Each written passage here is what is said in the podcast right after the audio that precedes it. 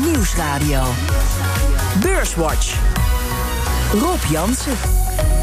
Welkom bij Beurswatch, het beleggingsprogramma op de Nederlandse radio. Met Martine Hafkamp van Vintessa Vermogensbeheer en Koen Bender van Mercurius Vermogensbeheer. Welkom. Het is een beetje een aparte uitzending voor ons, want ik sta wel in de studio. Maar mijn gasten die zijn uh, op hun eigen locatie. Ik kan ze gelukkig wel via een videoverbinding uh, zien. Um, maar um, ter zake, het was weer een uh, achtbaan deze week op de beurzen. Ook voor het Damrak.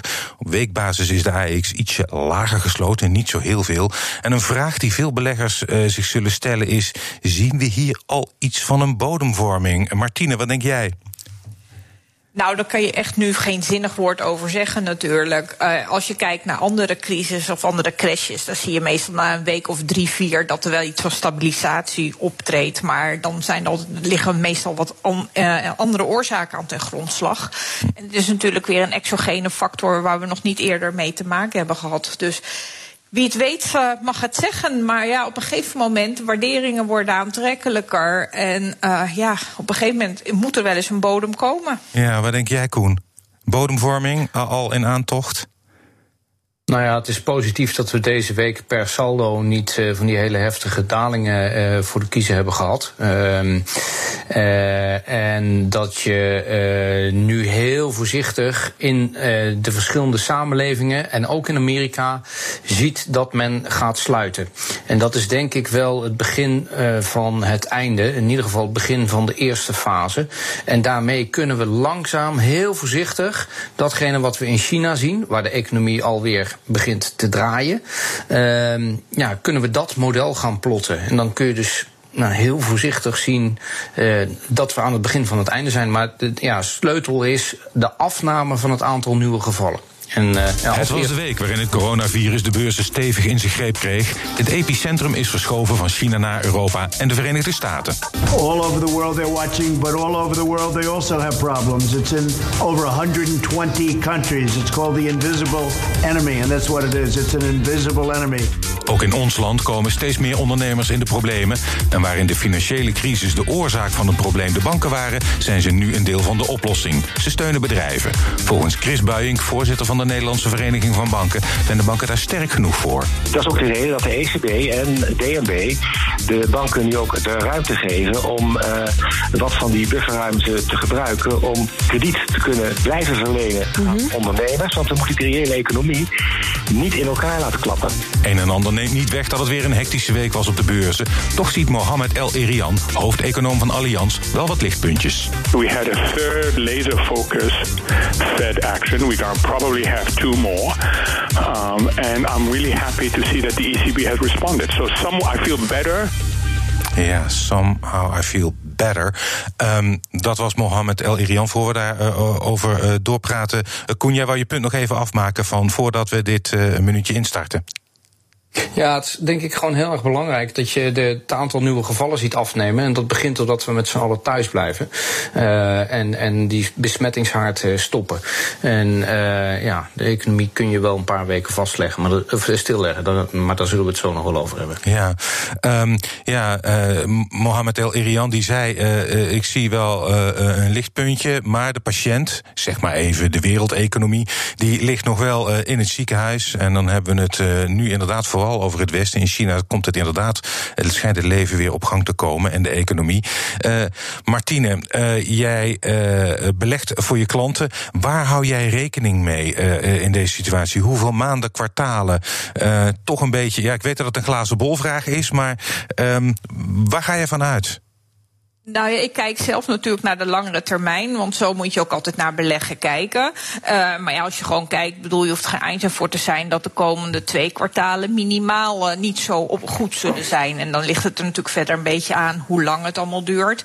Maar als je gewoon kijkt, wat ik wel heel positief vind, is natuurlijk dat nou er eindelijk een beetje meer structuur en cohesie lijkt te komen in de maatregelen die genomen worden, zowel van centrale banken als ook van overheden. Ik bedoel, die staan klaar Ik bedoel, ehm, nou ja, bedoel, als je dan kijkt naar Lagarde, die heeft nu echt heel concreet gezegd, nou, whatever it takes eigenlijk, maar dan in een andere vorm. Ja. Nou, en dat zie je dat dat dan iets, eindelijk iets is wat de beurzen um, een beetje tot bedaden brengt, zeg maar. Of de emotie, want je hebt ook heel veel paniek op het moment. Hm. En het is niet allemaal gedreven door uh, alleen maar slechte vooruitzichten. Nee, Koen, uh, hoe zie jij dat? Waar hou jij rekening mee? Uh, kopieer jij gewoon het China-scenario naar Europa en Amerika? Uh, nou ja, voor een aantal bedrijven. alleen als de, de, maatregelen gelijk zijn aan de maatregelen die China genomen heeft. en dat is uh, volledige quarantaine. dan kun je dat kopiëren. Hm. Vandaar dat het ook zo belangrijk is dat we over de hele wereld overheden dezelfde dingen zien doen. We doen ze alleen in een ander tempo. Kijk, we hoorden net in het eh, journaal dat uh, in de UK nu pas de kroegen dichtgaan. En ik weet niet helemaal goed in, of dat alleen Londen is of voor heel Engeland geldt. Maar het is gewoon belangrijk dat we straks ook met z'n allen tegelijkertijd, min of meer tegelijkertijd weer schoon zijn van het virus. En dus ook de mondiale economie weer kan opstarten. Waar wij rekening mee houden, we hebben heel veel relaties gesproken in deze periode. En ook gecheckt, uh, heb, verwacht je cash nodig te hebben uit je portefeuille? Want ja, cash moet je gewoon wel vrijmaken. Voor heel veel mensen, voor heel veel bedrijven is het een liquiditeitscrisis. Dus je moet zorgen dat je voldoende liquiditeit hebt. En los daarvan, uh, ja, binnen nu en twee jaar gaan we een geweldig rendement uh, uh, waarschijnlijk uh, presenteren voor onze relaties. Een rendement waar je normaal gesproken misschien wel vijf of tien jaar over doet. Ja. Ehm, dus er liggen fantastische kansen. Alleen je moet niet proberen nu de bodem te, te pakken, want dat is, dat is gewoon levens, ja, kan levensgevaarlijk zijn. Ja. ja althans, ja. Uh, ja, je moet gewoon bereid zijn om nog 10% ernaast te zitten, naast die bodem. Ja, um, ik wil nog even inzoomen op uh, de Fed en de ECB. Ik herinner me van de financiële crisis en later ook de schuldencrisis... dat er allerlei paniekerige overleggen, uh, topbijeenkomsten waren. Het lijkt erop alsof die centrale banken nu vrij snel klaarstaan... met ingrijpende maatregelen. En de VS verschaft de Fed liquiditeit, verlaagde de rente twee keer. De ECB verruimt het obligatie-inkoopprogramma. Martine, Vind jij dat de banken, centrale banken genoeg doen in deze crisis? Dat dit voldoende steun gaat bieden? Nou, ik vond eerlijk gezegd de twee uh, stappen van de vet redelijk paniekerig overkomen. Oké. Okay. Uh, ik vond dit, die, helemaal de tweede van afgelopen zondag. Ik uh, zie niet op geen enkele manier in waarom dat niet tot woensdag tot het reguliere rentebesluit had kunnen wachten. En je ziet ook hoe de markten erop reageren. Want die denken, de, iedere keer bij die rentestappen hebben ze iedere keer gedaan, hebben we twee keer gedacht van, oh jeetje, het is eigenlijk veel erger dan we dachten.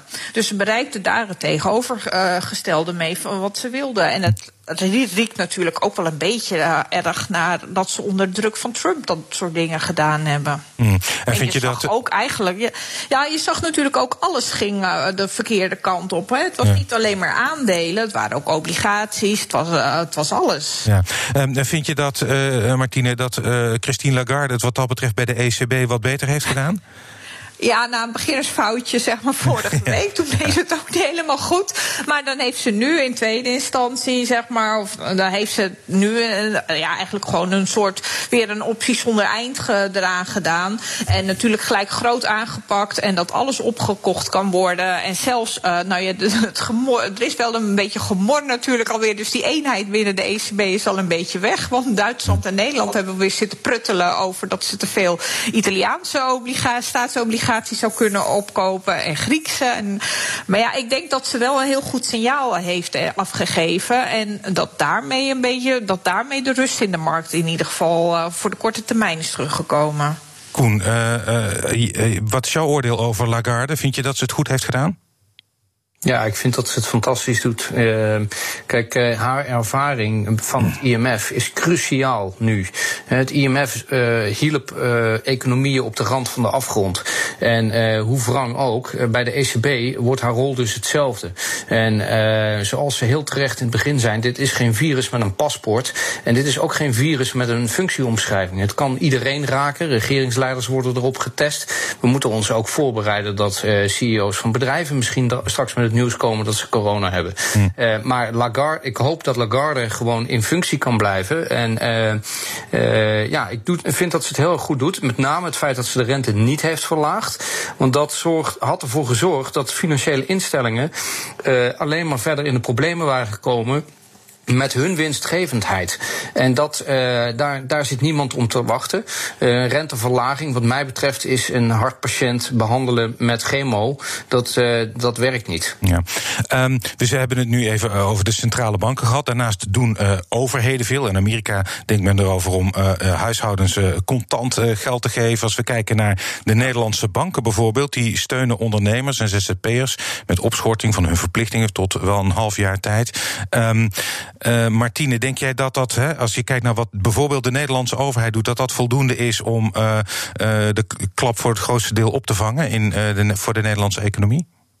Nou ja, ze hebben in ieder geval de intentie er om heel veel van te maken. Uh, maar ja, Nederland is natuurlijk een open economie, dus het is ook weer afhankelijk van buitenlanden. En je ziet natuurlijk wel in alle sectoren hebben, hebben, ze, hebben ze pijn. Maar bedoel, ik vind dan ook wel weer belangrijk dat Duitsland ook alweer met een noodfonds klaar staat. Uh, dat wel 500 miljard kan worden. Hm. Dus uh, zeg maar, de landen die daar nooit zo van waren, van geld over zeg maar, de kwistig rondstrooien, dat die om zijn, dat vind ik dan wel heel positief. Ik bedoel, de intentie is er. En het, weet je, het gaat natuurlijk ook voor een heel groot deel om iets van vertrouwen. Dat je dat terugkrijgt. Hè? Want als je kijkt naar het IFO-cijfer van van de week. Nou ja, dat was eigenlijk nog verbazingwekkend goed. Maar daar zat nog niet zo heel veel in, zeg maar. Hm.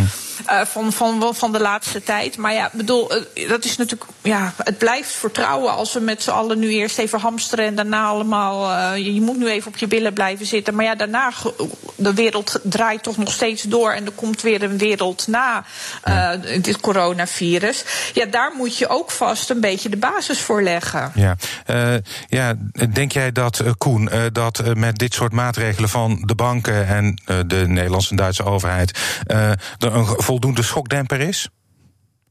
Nou ja, kijk, uh, dit gaat om. Uh, het is een liquiditeitsprobleem voor heel veel ondernemers. Uh, die tegen een betonblok aan zijn gegaan. En heel veel ondernemingen hebben niet zo heel veel reserves. Dus hm. ja, ik denk dat dit een, een heel krachtig signaal is. dit kan. daaruit laten ze ook zien dat ze onderdeel zijn van de oplossing. ik denk dat we ook niet moeten vergeten dat datgene wat de overheden doen in Amerika. maar ook bedrijven zoals Walmart, die aangekondigd heeft dat ze hun personeel personeel uh, extra cash gaan geven uh, in, in deze moeilijke periode. Dat is exact waar het om gaat. Alleen niet elke, uh, elke onderneming kan dat. Ehm, overheden kunnen dat misschien iets makkelijker. We moeten ons er ook op voorbereiden dat dit ook betekent dat we straks een belastingverhoging voor onze kiezer gaan krijgen om dit terug te betalen. Dus daarin denk ik dat uh, ja, het een hele goede oplossing is om die cash nu uh, inderdaad vrij te spelen. Ja, cash vrij spelen. Um, u luistert naar Beurswatch met Martine Hafkamp van Vintessa Vermogensbeheer en Koen Bender van Mercurius Vermogensbeheer. Voor we verder gaan, maken we even de balans op van de afgelopen week. De AEX die sloot vandaag op bijna 432 punten. En dat is slechts 0,2 procent uh, uh, laag, uh, hoger dan vorige week. Maar toch, een klein plusje. Stijgers. Op 1. Egon met een plus van 24,9 procent. Op 2 KPN uh, met een plus van 18,4 procent. En op 3 Unilever met een plus van 6,1 procent. Uh, midcap aandeel dat het best presteerde deze week was OCI met een plus van 15,1 procent. Dalers. Op 1 Axo Nobel met een min van 20,9 procent. Alberts met een min van 19,6 procent. En ASR op de derde plek met een min van 11,6 procent. En in de midcap was de uh, grootste daler Basic Fit met een min van 44,3 procent. Voor we naar Basic Fit gaan, wil ik, uh, en eigenlijk ook wel andere getroffen sectoren, wil ik even inzoomen op de oliemarkt met jullie welnemen. Want als we het over acht banen hebben, dan moeten we het zeker ook over de oliemarkt hebben, die deze week wel uitslagen liet zien. dan heb ik het over de olieprijs van wel 20% naar boven en naar beneden. Shell deze week ruim 7% eraf. Martine, aan de pomp is dat misschien wel fijn, maar voor beleggers in Shell niet bepaald. En je hoort wel eens, Shell hoort in elke portefeuille. Is dat nu ook zo? Nou, ik hou er nog steeds wel aan vast. Of nou, in iedere portefeuille hoort dat. Maar ik vind het nog steeds wel een aandeel wat ik nog steeds in portefeuille heb. Waar ik ook nog, heb, op nog steeds aan vasthoud. Want ik denk uh, namelijk, als je dan kijkt wat de oorzaken zijn van de lage olieprijs. Aan de ene kant is dat het coronavirus. Maar aan de andere kant natuurlijk ook de prijzenslag die er gaande is tussen uh, een beetje Saoedi-Arabië en Rusland. Nou ja, beide landen hebben er toch ook baat bij een hogere prijs voor hun staatsfondsen en hun de burgers tevreden houden. Dus ik weet niet hoe lang dat doorgaat. Um, dus dan denk ik ook van, nou ja, dan, dan kan Shell ook wel weer aan een herstel beginnen. Voor de wat langere termijn. Ik bedoel, olie en gas, we houden, blijven het nodig hebben. Um, ja, ik bedoel, als, zelfs al zouden ze het dividend wat verlagen, hoeft dat nog niet per se erg te zijn. Uh, ik, voor de langere termijn ben ik niet zo heel. Uh, word ik daar nog niet zo heel nerveus van. Oké, okay, en uh, Koen, Shell en andere olieaandelen, hoe kijk jij er tegenaan? Maar we hebben al heel lang geen olieaandelen meer in uh, portefeuille. En ik zal je vertellen waarom, Rob. Uh, ik vind dat je uh, een businessmodel moet hebben waarbij je zelf je prijs kan bepalen voor je product. En in de oliemarkt wordt je prijs bepaald door externe factoren. Bijvoorbeeld door in dit geval de Saoedi's. Of door de Russen. Of door geopolitieke gebeurtenissen die je niet in de hand hebt. En ja, dan kan het dus zomaar gebeuren dat de prijs van je product halveert in een hele korte periode. Uh, en, en je in die kosten niet terug kan.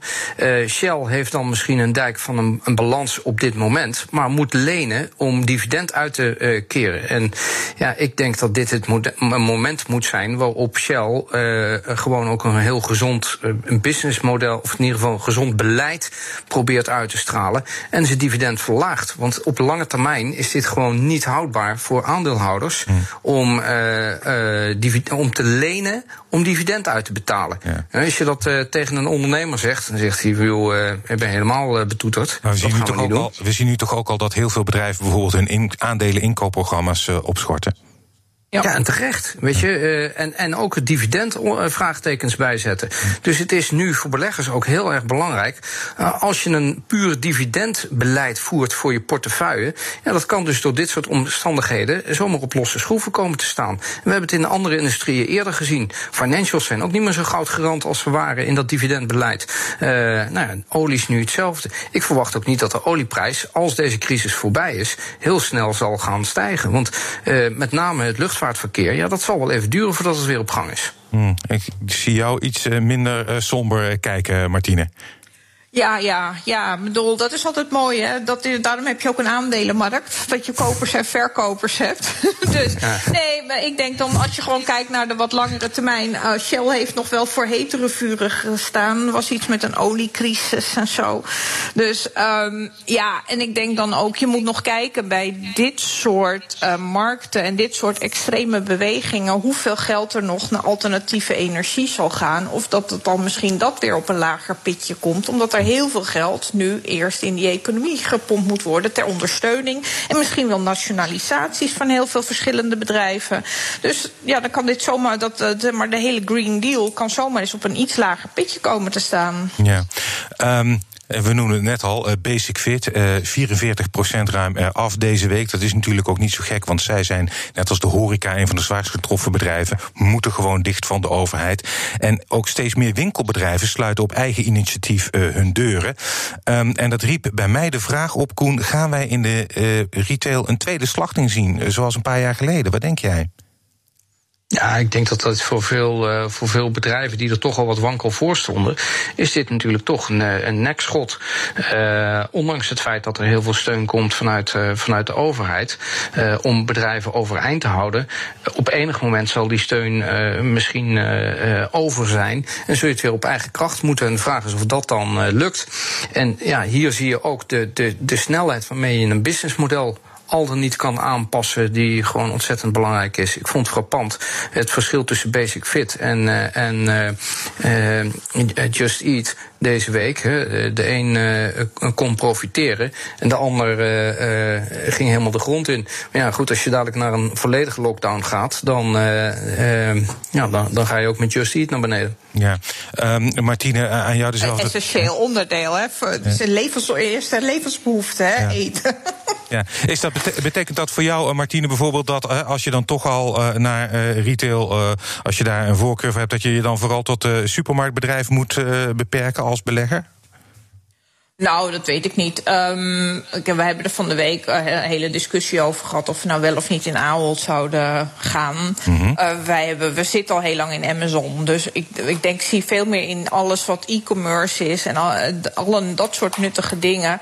Uh, ik denk namelijk, ik bedoel, je gaat op een gegeven moment je gaat niet meer eten dan nodig is. En je hebt natuurlijk nog steeds de concurrentie tussen Bol en uh, Amazon. En ja, dat, is, dat, dat speelt nog steeds. Dus ja, ik weet het niet. Ik bedoel, je kan zoveel eten als je kan eten. Dus het zijn op zich, je zegt ook niet dat defensieve waarden het echt heel veel beter deden dan, uh, ja, dan, dan groeibedrijven, zeg maar. Ik zit dan nog liever in, gewoon in de grote big, big techs. Uh, ik, bedoel, dat, ik denk dat die beter tegen een stootje kunnen. Mm. En uh, nog even kort aan jou de vraag, Koen. Supermarktbedrijven, hè? de Ahold Les doet het geloof ik wel aardig nog in deze mm. tumultueuze tijden. Hoe zie je dat? Nou ja, die hebben nu natuurlijk uh, er baat bij. Mensen gaan minder uit eten en uh, koken meer thuis. We hebben gezien dat de schappen leeg zijn, dus die moeten een fantastisch kwartaal hebben. Uh, de vraag is hoe dat, hoe dat straks gaat. Dan gaat het weer wat meer back to normal. Je ziet dat sommige bedrijven, hè, Martine zegt dat zij de, de overweging hebben gehad om in te stappen bij Ahold. Dan zullen er ongetwijfeld heel veel beleggers zijn geweest die gezegd hebben: we denken dat dit een veilige haven is. Maar op het moment dat straks de lichten weer op groen gaan voor andere bedrijven, ja, dan zul je zien dat, dat Ahold eh, weer eh, eh, verkocht wordt. Om daar het geld uit te halen. Om te herinvesteren in, in, in, in bedrijven die dan misschien nog op apengapen liggen. Dus ja, spreiding in, in portefeuille blijkt. En, en ook in je businessmodel. Daarin, Amazon zit zo breed gespreid dat ze niet alleen wereldwijd, maar ook niet alleen in pakjes en ook in voeding en ook in allerlei andere dingen zitten. Uh, er is altijd ergens iets wat slecht gaat, maar er is ook altijd ergens iets wat goed gaat. Ja. Um, we zijn alweer bijna aan het einde uh, van uh, de uitzending. En dat betekent dat jullie in deze tumultueuze tijden uh, een tip mogen geven voor beleggers. Uh, Martine, wat zou jij beleggers nu adviseren? Welk aandeel uh, zou je ze tippen? Nou ja, ik vertel maar wat we afgelopen week zelf hebben gedaan. Want kijk, niet alles wat afgestraft is, is zonder een reden afgestraft. Dus ik wil niet in alles. Maar ik dacht, ASML, nu dit zoveel lager staat. Ik bedoel, het is toch echt gewoon de wereldmarktleider. wij vonden dat een mooi moment om daar dan in te stappen. Je kan het veel goedkoper aan dat businessmodel uh, in, uh, kopen. Het businessmodel er verandert niet zo heel veel aan. Wanneer die uh, machines geleverd worden, dat zie je natuurlijk altijd of een, kwartier, een kwartaal eerder of later is. Maar dit zijn dingen die gaan gewoon door. Hm. Dus ik vond dat een heel fijn om daar dan in te stappen voor mijn klanten. Oké. Okay. ASML dus, van Martine Koen. wat is jouw tip? Ja, ik wil hem eigenlijk gewoon heel breed houden. Gebruik deze crisis om uh, de kwaliteit van je portefeuille te verbeteren. Uh, die kans is er. Uh, eigenlijk is alles nu omlaag. Maar ook de, de, de kwaliteitsbedrijven die wel in het herstel mee zullen doen. Want ik denk dat je moet verwachten dat als de markt gaat herstellen en dat gaat hier op enig moment, dan gaat niet alles in dezelfde mate omhoog straks. Dus gebruik dit moment om de kwaliteit van je portefeuille te verbeteren. Kijk naar bedrijven met een goede winstmarge, met uh, een sterke balans, met een sterke cashflow en voor de komende tijd een sterke cashpositie. Ja. Want uh, ja, nogmaals, we weten niet waar het uh, dal ligt. Uh, en uh, nou, of alle maatregelen die we getroffen hebben effect hebben. Even daarover heel kort. We hebben nog mm, iets meer dan een minuut. Um, heel veel beleggers die staan met hun portefeuille in het rood. En misschien hebben ze wel, ik heb ergens gelezen, ja, blijf even stilzitten. Was dat ook het beste wat je had kunnen doen in deze tijd? Koen. Ja, ik denk nou ja, wel. Met, ja. Oké, okay, Martine. Kijk, met de, kennis, met de kennis van nu had je in februari moeten verkopen. En, ja. uh, en uh, alleen de vraag komt, uh, wanneer koop je terug? En doe je dat dan, als je verkoopt, moet je twee keer goed zitten en niet één keer. Ja. En als je portefeuille goed is en breed gespreid, ja, het is heel lastig in deze periode met al die negatieve cijfers om je heen. Maar focus op die lange termijn, zoals Martine dat net ook zegt. Dat is waarom je bent gaan beleggen. en zorg dat je de cash hebt om eh, door deze winter voor beleggers heen te komen. Okay. Martine, uh, en, en, dat je niet hoeft. Martine, ja. even heel kort. Uh, veel beleggers zijn stil blijven zitten. toen zei jij, hoorde ik jou zeggen dat is misschien niet eens onverstandig. Nee, dat is, vind ik heel verstandig. Ik bedoel, in paniek dingen doen is het slechtste wat je kan doen. Uh, als je gewoon van tevoren, als het goed is, heb je altijd al een goed gespreide portefeuille. In ieder geval uh, als een vermogensbeheerder het voor je doet. Uh, en inderdaad, bedoel, je kan nu juist goede bedrijven voor minder weer ook kopen. En ik zie ook namelijk heel veel bijstortingen. Mensen die dat ook. Ik bedoel, die bomen mm -hmm. kan je inderdaad, die, die weet ja. je niet. Maar je kan wel nu heel veel beter instappen dan een poosje geleden. Toen je het ook misschien al van plan was. En angst is gewoon een hele slechte raadgever. Oké, hartelijk dank. Martine Hafkamp van Vintessa Vermogensbeheer en Koen Bender van Mercurius Vermogensbeheer. Dit was BNR Beurswatch. Als u wilt reageren, dan kunt u een mail sturen naar beurswatch.bnr.nl of tweeten naar Rob Beurs. Terugluisteren kan via de site, de BNR-app, Apple Podcast of uh, Spotify. En zometeen, dan ben ik nog even bij u terug. Want dan gaan we luisteren naar de toespraak van de koning.